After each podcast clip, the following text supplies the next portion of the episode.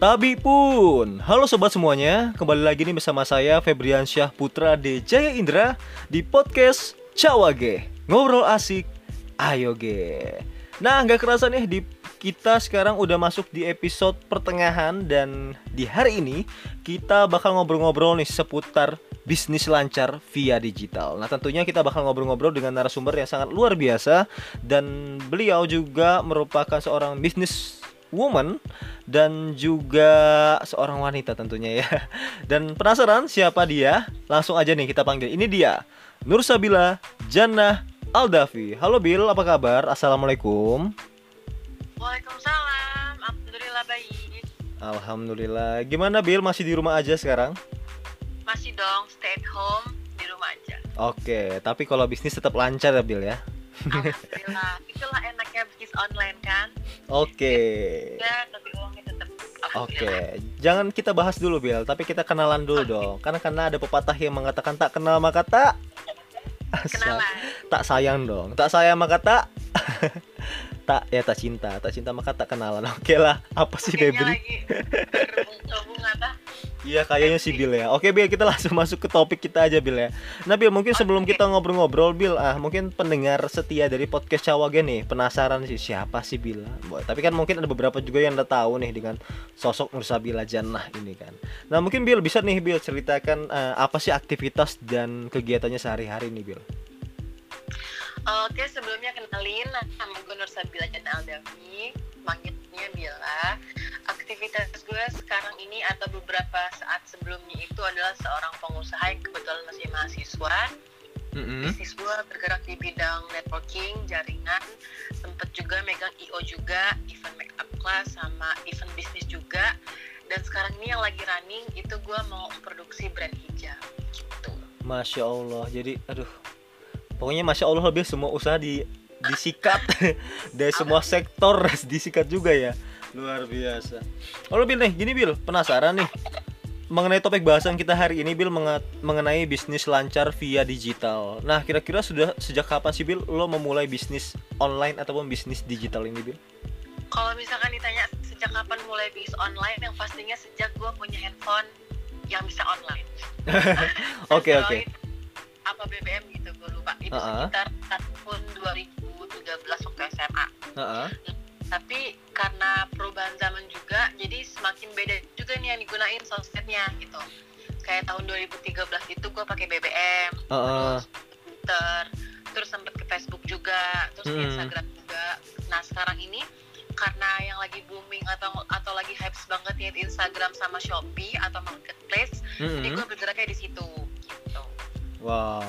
jadi eh, banyak juga bis eh, ya ya Bill ya bisnis yang sedang lo jalankan dan juga selama pandemi ini bisa dikatakan lo tetap lancar juga nih bisnisnya nih Bill. Alhamdulillah, Alhamdulillah. Nah Bill ngomong-ngomong eh, sejak kapan sih Bill lo memulai bisnis ini gitu? Maksudnya eh, sejak umur berapa gitu? sejak SMA berarti 16 tahun Wow, 16 tahun. Itu jual apa Bill? Cilok kah, cimol atau gorengan? Enggak, jadi itu dulu inget banget awal banget jual online itu kan dulu tuh ada BBM. Nah di BBM tuh gue sering di in, di in- apa di invite sama grup-grup online shop baju gitu-gitu. Heeh. Gue tuh suka suka belanja, nah, tapi kreatif gitu. Gimana caranya bisa belanja tanpa ngeluarin uang? Gitu kan. Mm-mm.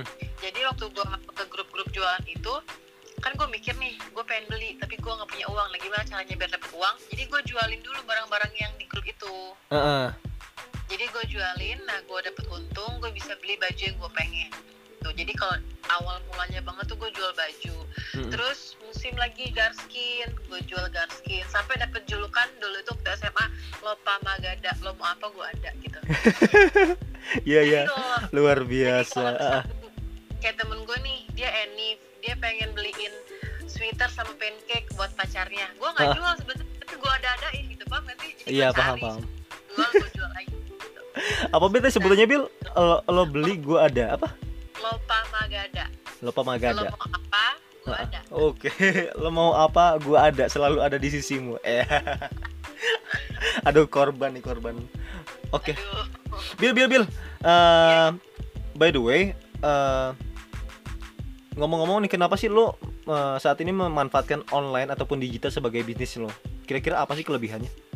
karena gini sekarang ini kan era apa apa serba online gitu ya bahkan ada sampai dukun online prostitusi Wow. online Dukun online. serius gue Ah. tuh sering banget dapet sms kayak Mm-mm. eh, apa namanya uang goib gitu-gitu online coba ngeri banget ya Heeh. nah tapi itu kan, itu kan yang yang negatifnya nah kita ambil Ah. sisi positifnya di mana sekarang itu banyak banget miliarder yang lahir dari bisnis online contoh Mm-mm. kayak ownernya Gojek tuh menteri kita ya kan Mm-mm. beliau itu kan ibaratnya Gojek belum lama-lama banget baru sekitar 5-6 tahun kalau nggak salah tapi Hmm. omsetnya udah berapa miliar gitu ya. dari mana dari media sosial dari online gitu Mm-mm. jadi kenapa gue di online karena sudah banyak banget contoh anak-anak muda itu yang bisa sukses dari online bisnis Mm-mm. di sisi lain itu nggak ada resiko kenapa nggak ada resiko karena gini kita mau bisnis mau enggak tetap buka Instagram nggak Mm-mm.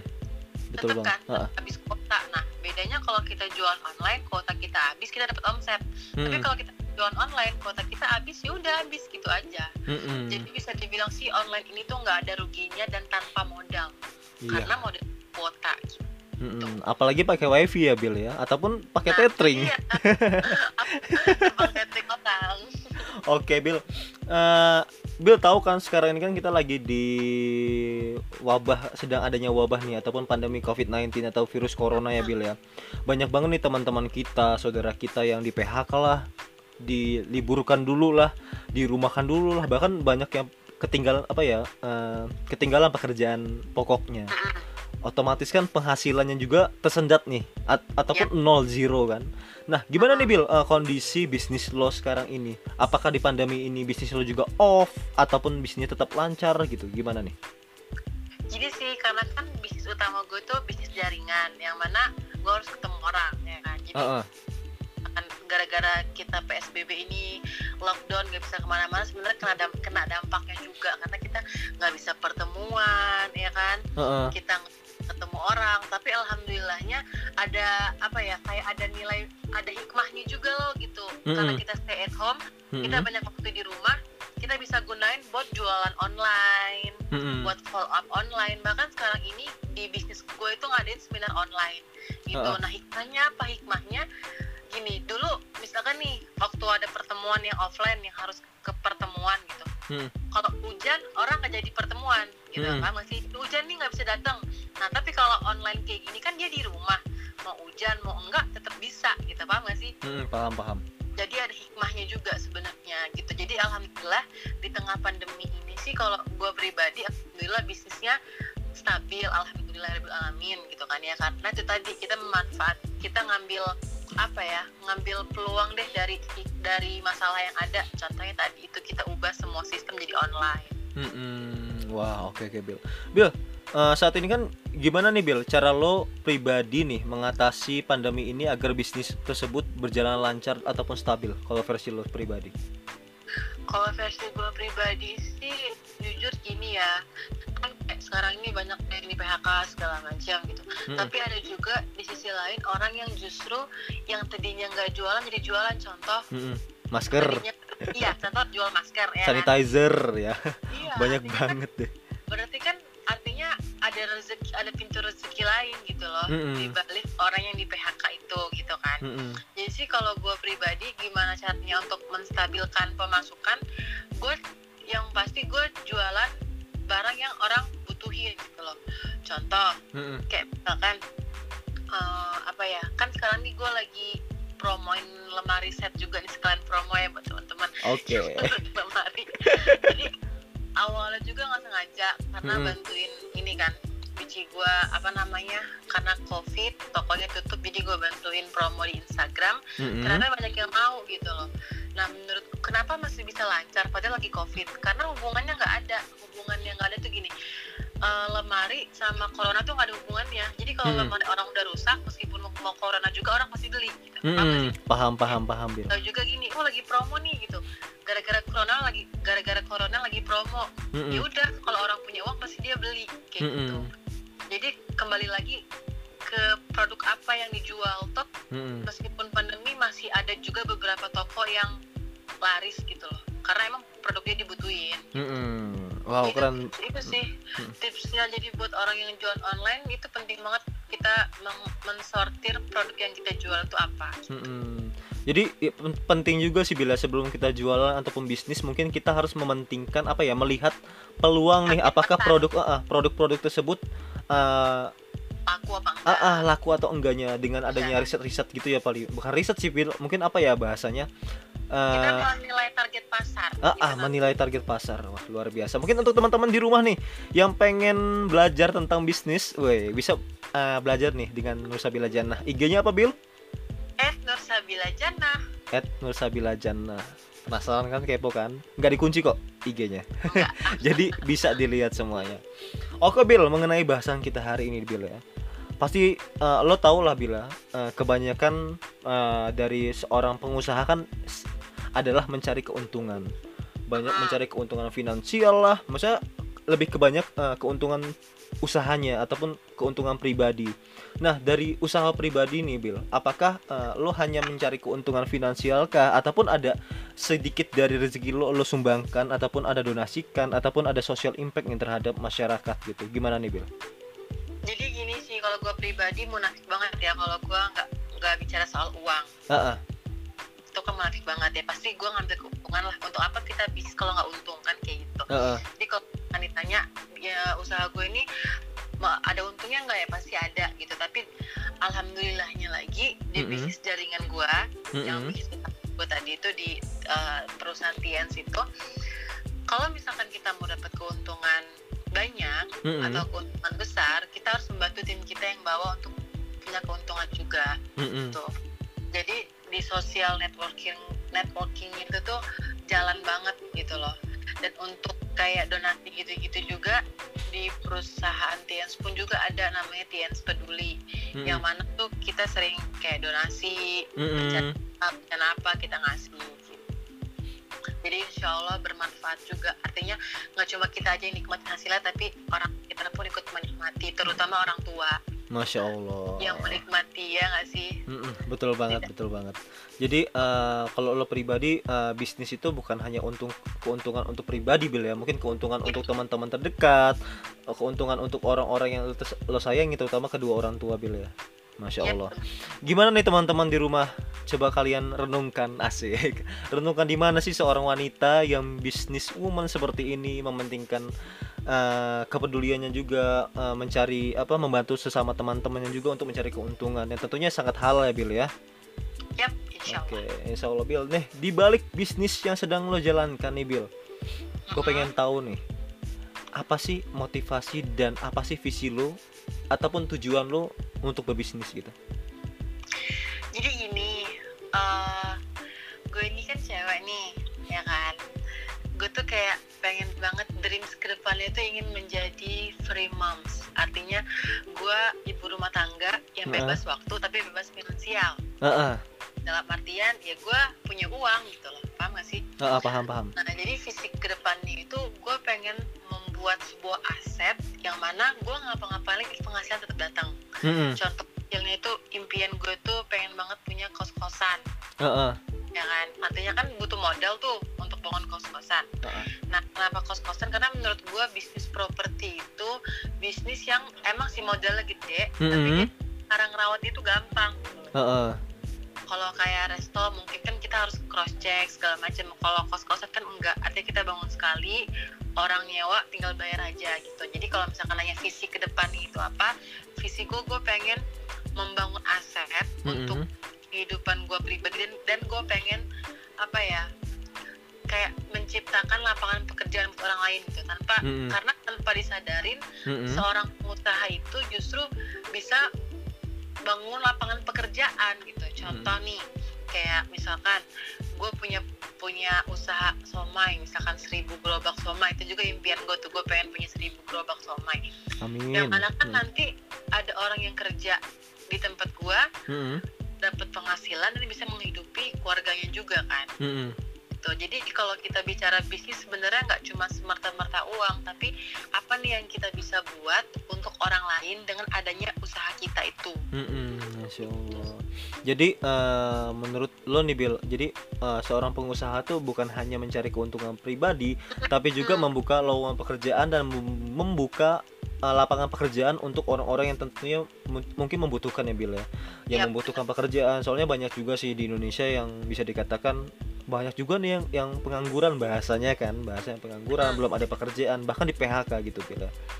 Oke Bill, eh, mengenai seorang pengusaha, menurut lo pribadi Bill, seorang pengusaha itu seperti yang seperti apa sih yang sebenarnya gitu? Menurut gua seorang pengusaha yang sukses itu adalah seseorang yang bisa mensukseskan orang lain juga. Hmm. Karena gini, di saat kita punya punya bisnis gitu, misalkan yang berjaya kita doang gitu kan, artinya yang nikmati kita doang. Nah itu, Hmm. itu sih, tapi belum belum sukses banget gitu. Jadi menurut gue itu sukses versi gue itu adalah di saat gue bisa bantu orang-orang lain juga buat sukses gitu. Hmm. Itu Masya sih Allah. menurut gue.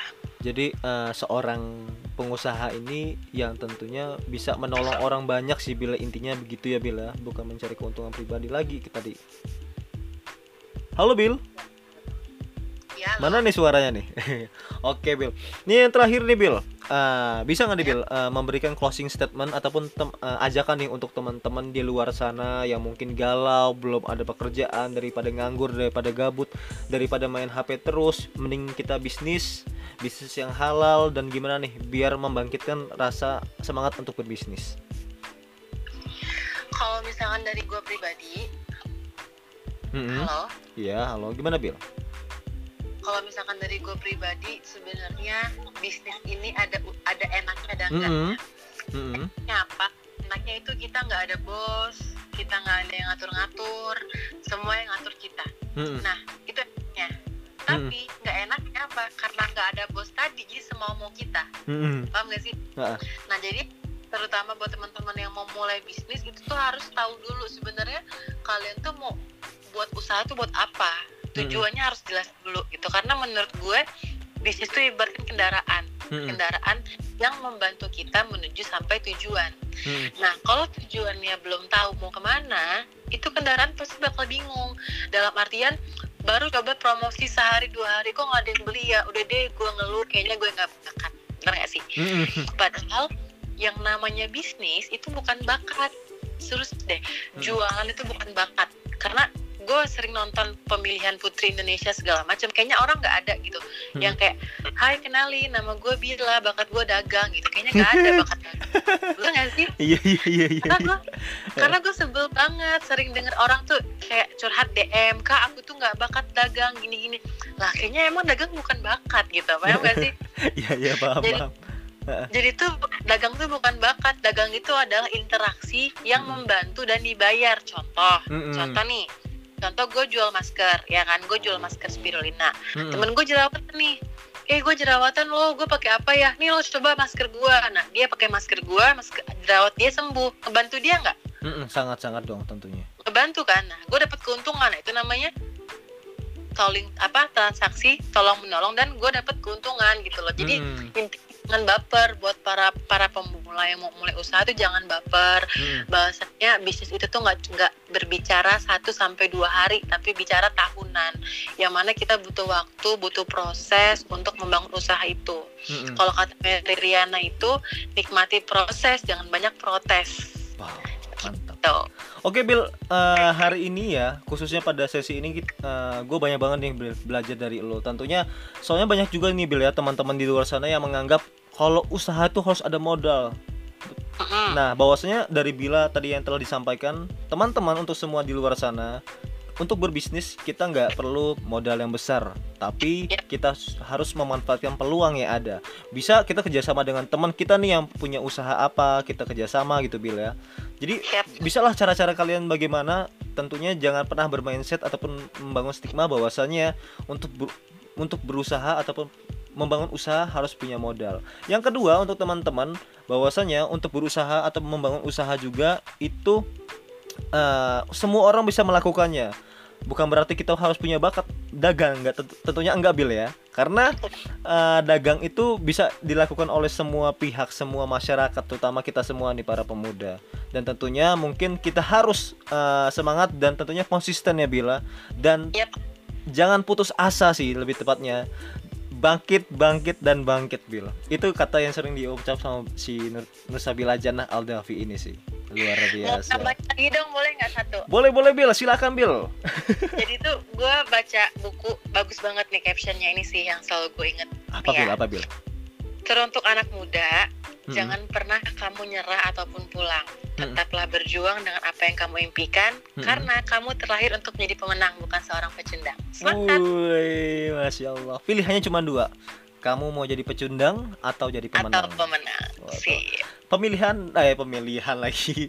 Nah untuk teman-teman tuh, bagi kalian semua yang ada di rumah, yang apalagi saat ini di fase-fase perkembangan seperti kita di remaja me- me- menuju dewasa yang masih meminta uang sama orang tua, yang masih merepotkan orang tua, ayolah kita sadar masing-masing bahwasannya saatnya kita untuk membahagiakan orang tua, bukan orang tua lagi yang membahagiakan kita ya Bill ya.